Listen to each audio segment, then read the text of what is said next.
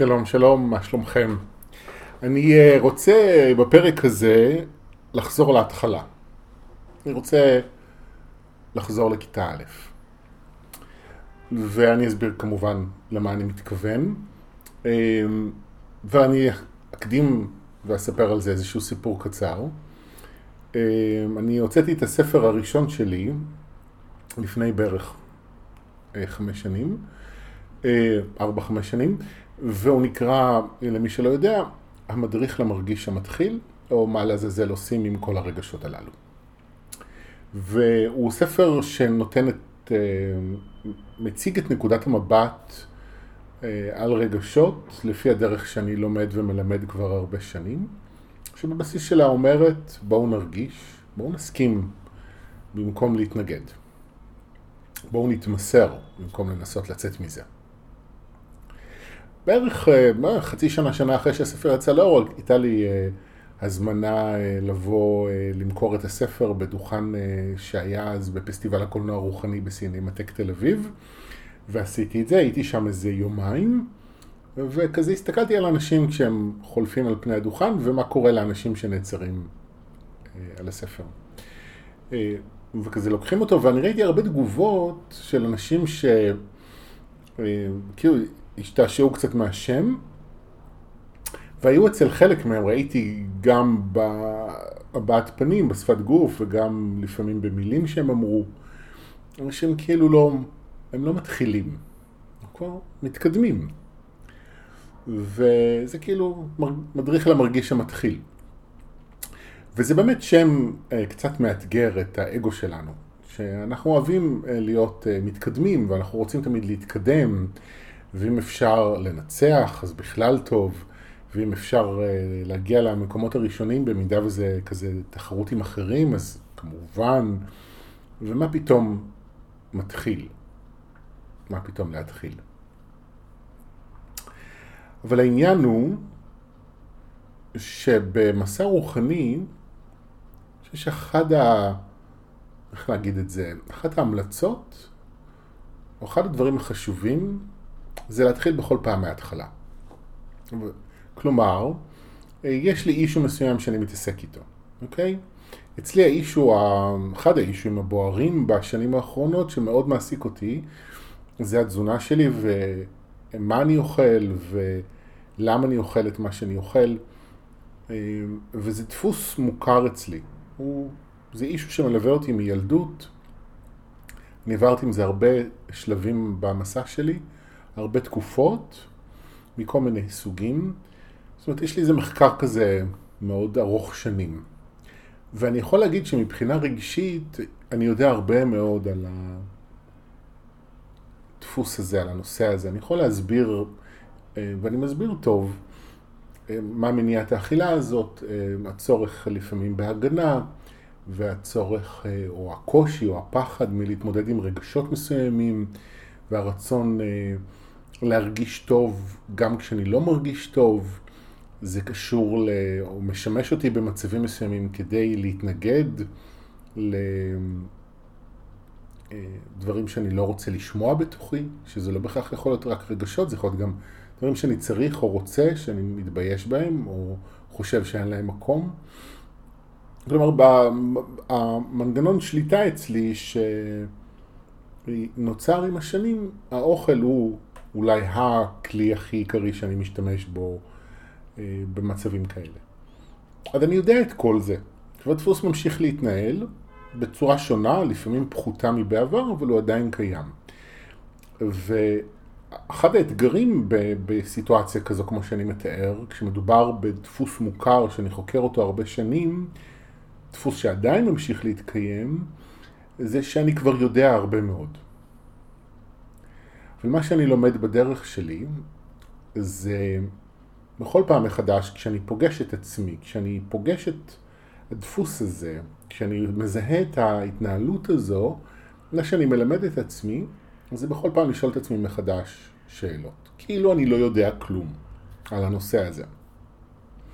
ולהניח בצד את, את הידע המוקדם שיש לי, את הדברים שהבנתי עד כה, ולשאול מחדש. עכשיו נכון שהרבה פעמים בזכות העובדה שאני מטפל בזה כבר הרבה שנים, תשובות לא יהיו חדשות. אבל א', זה לא תמיד נכון, כי לפעמים יש תשובות חדשות, וב', זה לא משנה כל כך, כי זה לא כל כך משנה להגיע לתשובה. הרבה שנים, זה מה שחשבתי, חשבתי שזה יהיה, אם אני אבין למה אני מתנהג ככה, אז, ואני אגיע לשורש של זה, אז זה ישתנה. והיו גם רגעים כאלה בדרך, שפתאום היה לי איזו הערה מטורפת, פתאום הבנתי מה מניע אותי להתנהג בצורה כזאת, וזה היה וואו רגשי, אנרגטי כזה מאוד דרמטי, ואחר כך גם משהו בהתנהגות שלי השתנה.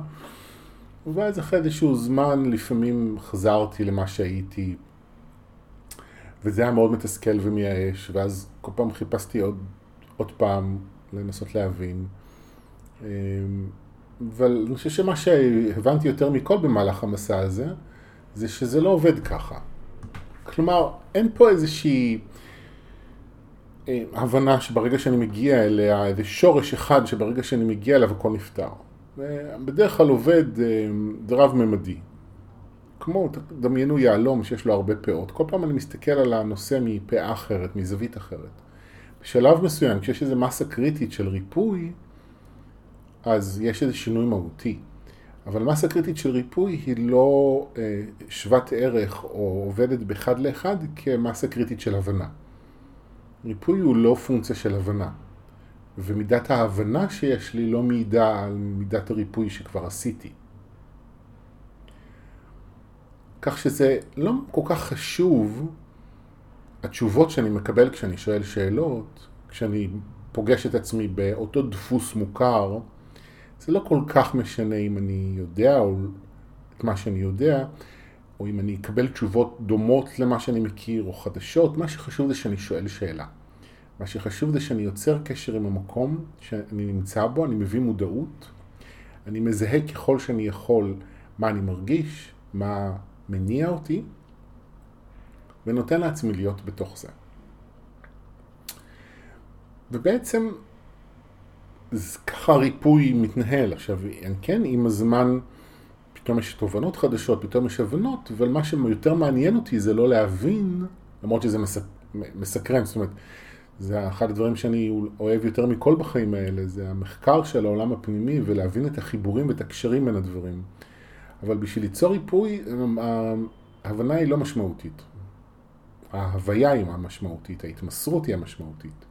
השאלות הן כלי שעוזר לי ליצור חיבור למקום מודחק ולפתוח אותו. וזה מה שמשנה. לא התשובות, לא ההבנה שלי.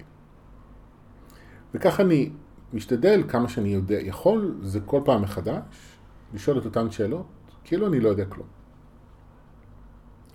וזה מאוד שונה מהליניאריות שתיארתי בהתחלה, שאנחנו רוצים כבר להתקדם וכבר להיות אחראי. ואני חשבתי על זה גם הבוקר, שאני, יש איזו סדנה חדשה שאני פותח וסדנאות אחרות שממשיכות להתקיים, וחשבתי על להציע למישהי לעבור לקבוצה אחרת, ואמרתי לעצמי, זה מעניין איך היא תגיב להצעה שלי, כי אני מציע לה לעבור אה, מ... זאת אומרת, אני לא יודע אם אני אציע את ההצעה, אבל, אבל זו הייתה מחשבה, זה להציע לה לעבור מסדנה שמוגדרת למתקדמים לסדנה שמוגדרת למתחילים. וחשבתי על זה, שאני לא יודע איך היא תגיב להצעה כזו, אני לא יודע אם זו גם הצעה נכונה, אבל זה אחת המחשבות שהניעו אותי להקליט את הפרק הזה. חשבתי ואז נזכרתי בסיפור עם הסינמטק, ואמרתי, כל הסיפור הזה עם ה... אה, להיות ראשון ולהיות מתקדם כבר. וחשבתי על השנים הראשונות שלי אצל ורדה, וורדה לא עשתה סדנות מתחילים מתקדמים, היא היה לה בש, לפחות בשנתיים שלוש הראשונות אה, איזשהו פורמט שהיא די חזרה עליו בחלק מהמקרים, פתחה סדנה ל-12 פגישות, ו... ואני זוכר שעברתי בין כמה קבוצות כאלה. עכשיו, הם כאילו... אה, חזרו על עצמן, כאילו במידה מסוימת, בגלל שחזרנו על אותם נושאים, אבל דווקא החזרה כל פעם להתחלה אפשרה לי אה, לשמוע מחדש דברים שכאילו כבר שמעתי אותם, אבל הייתי צריך לשמוע אותם שוב. ואני זוכר שבשנים הראשונות גם היא הייתה לפעמים עושה, מזמינים אותה להרצאות, והלכתי איתה לכמה הרצאות כאלה, וזה היה מאוד, תמיד מאוד מעניין בשבילי, לשמוע אותה מדברת עם קהל שלא מכיר אותה, מדברת מההתחלה על דברים שאני כאילו, כבר מהמתקדמים, אני כבר כמה שנים, אבל, וכל פעם כזו למדתי, כי חזרתי להיזכר בדברים שאני כאילו יודע בראש, אבל הם עדיין לא באמת נטמעים. והסבבים הללו הם אה, מאפיין מאוד משמעותי של המסע. אה, אנחנו פוגשים את עצמנו בכל פעם מחדש באותו מקום, רק מזווית אחרת, או מעומק אחר, או גובה אחר, מגדירים את זה. אה, וזה חשוב שתהיה לנו, ה... לנו את הנכונות, את ההבנה, שאנחנו כל פעם מתחילים מחדש.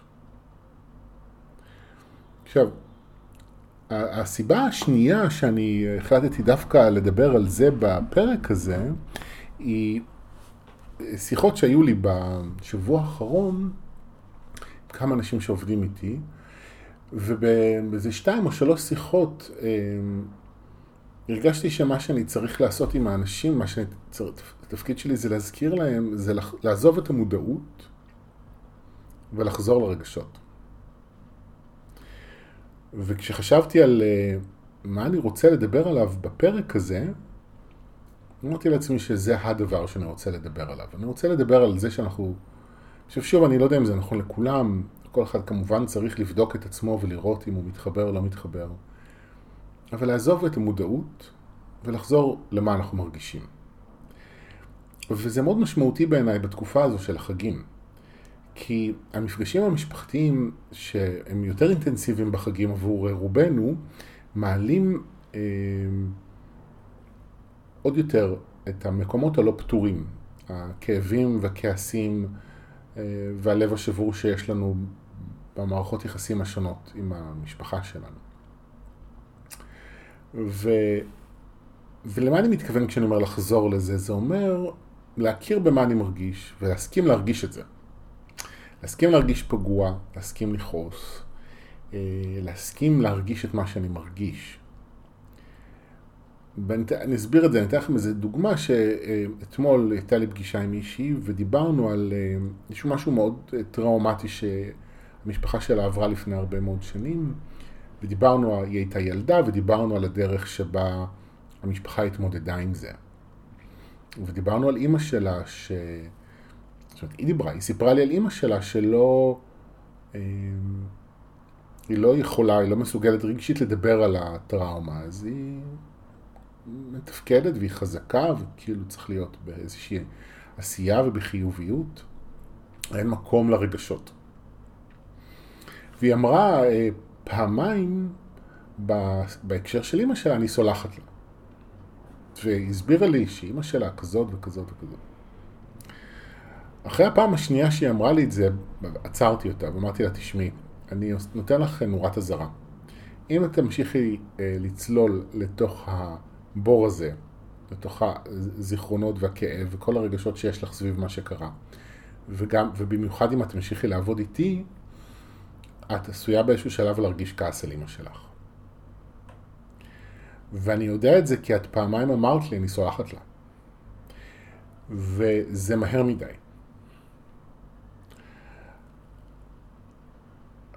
עכשיו, אני לא אומר שכל בן אדם שסולח, שסלח להורים שלו בהכרח מדלג מעל רגשות מסוימים, אבל אני אומר שהרבה פעמים כשאני שומע אנשים מדברים, והיא עבורי רק סיפור דוגמה להמחיש את הפואנטה, אני שומע הרבה פעמים אנשים שמדלגים על הרגשות שלהם. לא, אני מבינים, הם רצים להבין בראש. להבין את הבן אדם שפגע בהם, או להבין למה אין טעם אה, לפתוח את הפגיעה עם אותו בן אדם, בין אם לפתוח את זה בינם לבין עצמם ובין אם לדבר על זה עם הבן אדם, ישר רצים להבין אה, שזה מה שהבן אדם יכול היה לעשות, והוא עשה את הכי טוב, הוא בעצמו היה פגוע, והוא ככה והוא ככה והוא ככה, ולכן הוא בסדר. ואתם יודעים, באחד הטריקים בעבודה עם אנשים, שמי מכם שעובד עם אנשים, אני משער מכיר את זה, זה שכשבן אדם אה, אה, ממהר, כמו שאותה אה, אישה שפגשתי אתמול מיהרה להסביר לי שסולחת לאימא שלה, כשבן אדם ממהר להבין מישהו אחר, במיוחד כשזה כרוך באיזשהו סיפור רגשי מורכב ושזקוק לריפוי שהוא לא פתור, זה סימן לזה שזה לא נכון. אמרתי לה, את אומרת לי, אני לא סולחת, אני שומע, אני כועסת. ואז כשאמרתי לה את זה, אז היא התחילה לצחוק, היא אמרה לי שאני צודק, היא באמת מרגישה איזה כעס בפנים. ואז היא אמרה איזה שני משפטים אה, מתוך הכעס והבעת פנים שלה, בבת אחת היה איזה ענן של כעס שמילא לה את הפנים. צחקתי, אמרתי לה, את נראית כאילו אה, מישהי מהמאפיה שהולכת אה, להוציא חוזה מרוב כעס. ו... וכאילו, וואו, כמה כעס יש בפנים. עכשיו, במקרה שלה זה הכעס, האמת שאני חושב שגם השיחה הקודמת שהייתה לי מישהו אחר, זה גם כעס, ובכלל אני שם לב שהרבה מהמנגנון הזה של הלהבין ולקבל, הוא מופעל כשאנחנו כועסים. וגם דיברתי על זה בפרק הקודם. ו... אבל זה לא רק שם, כי זה גם הרבה פעמים קורה כשאנחנו,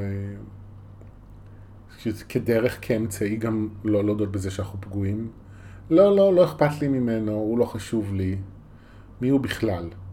אתם מכירים את המשפטים האלה? במקום להגיד, רגע, נפגעתי, אתה חסר לי, וכן הלאה וכן הלאה. ובמקום הזה, במנגנון הזה, יש את הווריאציות הפשוטות שלו. כמו מי הוא בכלל, אכפת לי ממנו, כל מיני כאלה. ויש את הווריאציות הכאילו מודעות של אני מבין אותו, אני רואה מאיזה בית הוא בא, איזה ילדות קשה הייתה לו, הוא לא יכול היה לעשות אחרת, ולכן הוא בסדר, ואני מקבל וסולח, ו... וזה נשמע מדהים, ובעיקרון אני מניח שרובנו רוצים להיות במקום הזה כלפי האנשים שפגעו בנו, ואנחנו כבר רוצים להיות שם, אבל זה לא עובד כל כך בקלות, זה לא קורה מהר, ו... בוא נגיד שזה שזה לא קורה מהר, המשפט הזה זה לא קורה מהר, זה ה understatement של ה life. אמ, במיוחד כשמדובר במערכות יחסים עם המשפחות שלנו, במיוחד כשמדובר בדברים כואבים שעברנו, במיוחד כשמדובר בהורים שלנו, או אחים שליוו אותנו כל החיים, יש לנו פגיעות עמוקות במערכות יחסים הללו, ולכולנו יש. זה ריפוי, זה לכל החיים. זה מסע לכל החיים. בכלל המסע הוא לכל החיים ומעבר אליהם, אבל בואו נדבר על החיים פה בגוף הזה. זה מסע לכל החיים. אני יכול להגיד לכם על עצמי שהעבודה שאני עושה עם הפצעים האלה במהלך השנים, אז אני לא כועס על ההורים שלי כמו פעם, ויש לי יחסים מאוד טובים איתם. אבל עדיין יש לי כאב לרפא שקשור במערכות יחסים האלה, אני לא יכול להגיד שהלב שלי התאחה לגמרי והחלים לגמרי.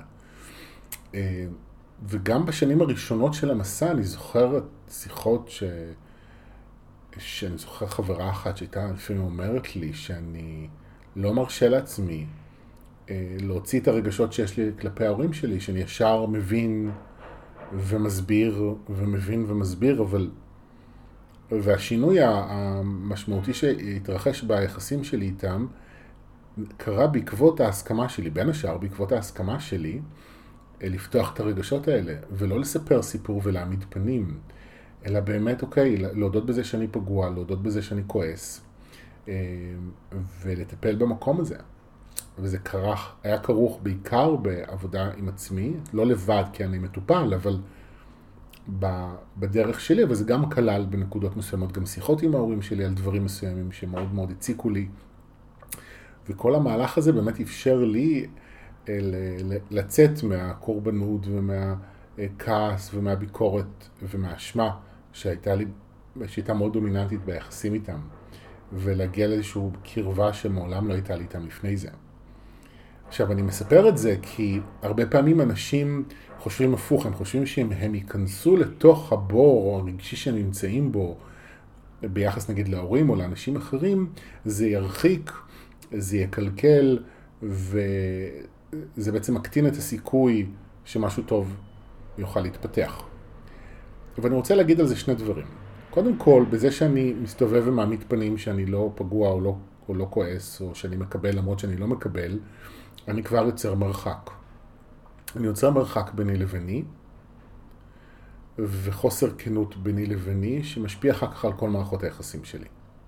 אז המרחק שאני רוצה שלא יקרה, הוא כבר קורה. הדבר השני, וזה מאוד חשוב, שתפתחו את הפצעים האלה ותעשו את העבודה הזו עם תמיכה ועזרה בדרך. זו שפגשתי אתמול, נפתח איזה זיכרון אצלה ממשהו אה, קשה שהמשפחה עברה כשהיא הייתה ילדה, והיא קבעה אצלי פגישה, ו... כי היא הבינה שהיא צריכה עזרה במקום הזה, ואני שמח בשבילה שהיא עשתה את זה, בלי קשר אליי ספציפית, אלא בכלל, שהיא לא אמרה, אוקיי, אני אתמודד עם זה לבד, כי אמ, חלק מהפחד שלנו מלפתוח את הדברים הללו, את המקומות הללו, כי אנחנו חושבים שאנחנו צריכים להתמודד עם זה לבד. ואז באמת יש איזושהי רתיעה פנימית מלפתוח מקום כואב, כי יש איזו ידיעה אינטואיטיבית בתוכנו, שאנחנו לא יכולים להתמודד עם זה לבד. אבל ברגע שיש עזרה בדרך, יש איזשהו טיפול, איזושהי עזרה, איזושהי תמיכה בדרך, יותר קל לפתוח את המקומות האלה. ואז יש יותר נכונות. ואז גם יש אפשרות לרפא את זה. כי נכון, אני צריך לשקוע בתוך הבור בשביל לרפא אותו, אבל אם יש לי יד בדרך, יהיה לי קל לצאת ממנו.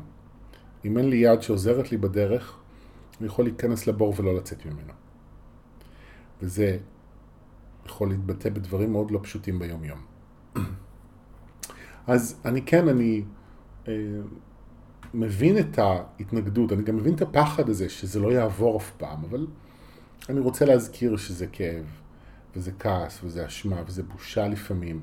זה רגשות שעוברים, אם מרגישים אותם, אם נותנים לזה מקום, אם מדברים על זה, אם מטפלים בזה, זה עובר. אנחנו, שום דבר, לטוב ולרע שום דבר לא נשאר אותו דבר. הכל עובר. גם הדברים האלה, גם הרגשות הללו עוברים. אבל הקסם שיכול להתפתח בזכות זה הוא מאוד משמעותי, כי אז יש אפשרות לחוות משהו חדש במציאות. אז אפשר ללכת למשהו חדש ביחסים שלנו עם עצמנו ובמימוש שלנו בעולם. אני, אתם יודעים, אני הרבה פעמים, זו גם אחת הסיבות שאני מדבר על זה הפעם, אני רואה את הפער שנוצר בתוך אנשים, בינם לבין עצמם, ואיך הרוחניות משמשת אנשים כדי להגדיל את הפער הזה בתוכם, במקום לגשר עליו, במקום לצמצם אותו. כי הפער, הוא תמיד יש, יש פער בין המקום שנמצא בו לבין המקום שאני רוצה להיות בו, וזה הפער שהוא הבסיס למסע ההתפתחות שלנו. אבל כשאנשים אה, מספרים לעצמם סיפור שאני בקבלה, אני בסליחה, אני כבר ריפאתי את עצמי, כבר סיימתי לטפל בבעיה, בכאב, בפגיעה, וזה עבר, אנשים מגדילים את הפער. כי זה לא עבר וזה לא נגמר. ואני אומר את זה באופן גורף על כולם. זה לא עבר וזה לא נגמר.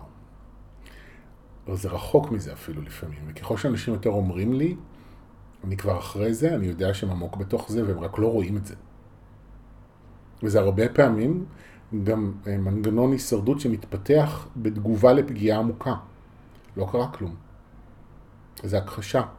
אז פה זה הכחשה יותר מתוחכמת. כן קרה, אבל כבר סיימתי עם זה. ואני אומר לא, אנחנו לא סיימנו. בכלל, אל תסיימו אף פעם עם כלום. תגיעו לגן עדן, תסכמו את המסע חיים הזה, ואז תדעו עם מה סיימתם. עד אז תהיו צנועים. אני אומר את זה לכם, אני אומר את זה גם לי. בואו נהיה צנועים. אנחנו לא יודעים מה סיימנו ומה לא. ואנחנו, באידיאל, כדאי שבכל יום, בכל בוקר, בכל פעם מחדש, נשאל את עצמנו מה אנחנו מרגישים ומה שלומנו.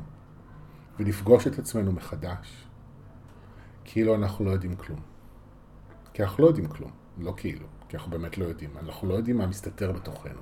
אנחנו לא יודעים איזה שיעורים אנחנו צריכים לעבור, איזה מקומות אנחנו צריכים לרפא, איזה מתנות יש לנו לתת. אנחנו לא באמת רואים את מלוא הפנימיות שלנו, אז אנחנו גם לא יודעים באמת לסכם ולהגיד סיימתי. זה בלוף, זה בלוף. והרוחניות במקום הזה הרבה פעמים משמשת אנשים באופן שמגדיל את הפער. וזה בעיניי נורא, כי זה פשוט איזה עיוות של הרוח, במקום שהיא תגשר, הרוח משמשת להעמיק הפרדה. אבל אלה החיים. ואני, תרומתי היחידה לשינוי המצב הוא, מעבר לעבודה שאני עושה עם עצמי ועם אחרים, היא לדבר על זה ולכתוב על זה איפה שאני יכול, כדי uh, להזכיר, וזה מה שאני רוצה בעצם לעשות בפרק הזה, שאנחנו לא יודעים כלום, ושכדאי שתמיד נחזור לכיתה א', בכל פעם מחדש. Uh, והשבוע, בעקבות השיחות האלה שהיו לי, שתיארתי חל, חלקית קודם, אז גם אמרתי לעצמי, אוקיי, יש אישויים בחיים שלי, שאני פתאום התחלתי לזהות איך אני ישר מבין, ישר עושה השתקפות, וישר לוקח אחריות, ואני אומר, רגע, בוא תחזור לרגשות הבסיסיים. תסכים להיות פגוע, תסכים להיות, להרגיש את החוסר שאתה בא ממנו. תסכים לזה. כי ישר להבין וישר, אני עושה לפעמים שימוש בזה שזה השתקפות כדי לדלג מעל רגשות. רגע, אה, לבן אדם שאיתו, לא אותה אחת שתיארתי קודם, בשיחה קודמת שהייתה לי עם, עם אותו בחור שדיברתי איתו, אותו גבר שדיברתי איתו, אמרתי לו, עזוב מודעות השבוע. עזוב, עזוב את המודעות, עזוב את ההסברים. רק תשאל את עצמך מה אתה מרגיש. תוציא את זה, תכתוב את זה, דבר את זה, תהיה בזה. וסגרתי איתו את הטלפון ואמרתי לעצמי, שחר, אתה צריך לעשות את אותו דבר. לעזוב מודעות, לעזוב את הדברים האלה, פשוט להעמיק מחדש לתוך המקומות הפגועים שאתה מבקשים כרגע ריפוי. וההבנות והתובנות והמודעות והשתקפויות וכל זה, זה יבוא אחר כך, אבל זה לא משנה כרגע. ואני רוצה להגיד את זה גם לכם. אני לא יודע מי מכם שמקשיב למילים הללו זה רלוונטי עבורו ומי לא, אבל לאלה שזה רלוונטי עבורם, עבורכם, אני רוצה להגיד ולהציע בדיוק את זה. תעזבו מודעות. תעזבו, עזבו את המודעות. פשוט תהיו, תהיו במי שאתם. תאפשרו לעצמכם להיות כפי שאתם. זו העצה הכי טובה שאני יכול לתת לכם. זה לא תמיד קל, אבל זה משתלם לטווח הארוך. זה בהחלט ככה. אמ, זהו, נראה לי שסיימתי. אז מאחר ויש לנו קצת זמן, אז אני גם אגיד שעוד תכנים אמ, מכל הווריאציות של עולמות התוכן יש באתר שלי www.tohar.co.il או פשוט תכתבו טוהר בגוגל בעברית ובדף הפייסבוק שלי, תואר מקף שחר בן פורת יש את קבוצת הפייסבוק, תקשור עם העולם שבפנים. אתם מוזמנים להצטרף, להכיר, לעקוב. אשמח להמשיך לדבר ולשמוע פידבקים גם מעבר לפודקאסט הזה. אז אה, תודה שהאזנתם ושיהיה לנו המשך קל של עונת החגים, ובכלל, שיהיה לנו יותר טוב עם עצמנו. ביי ביי.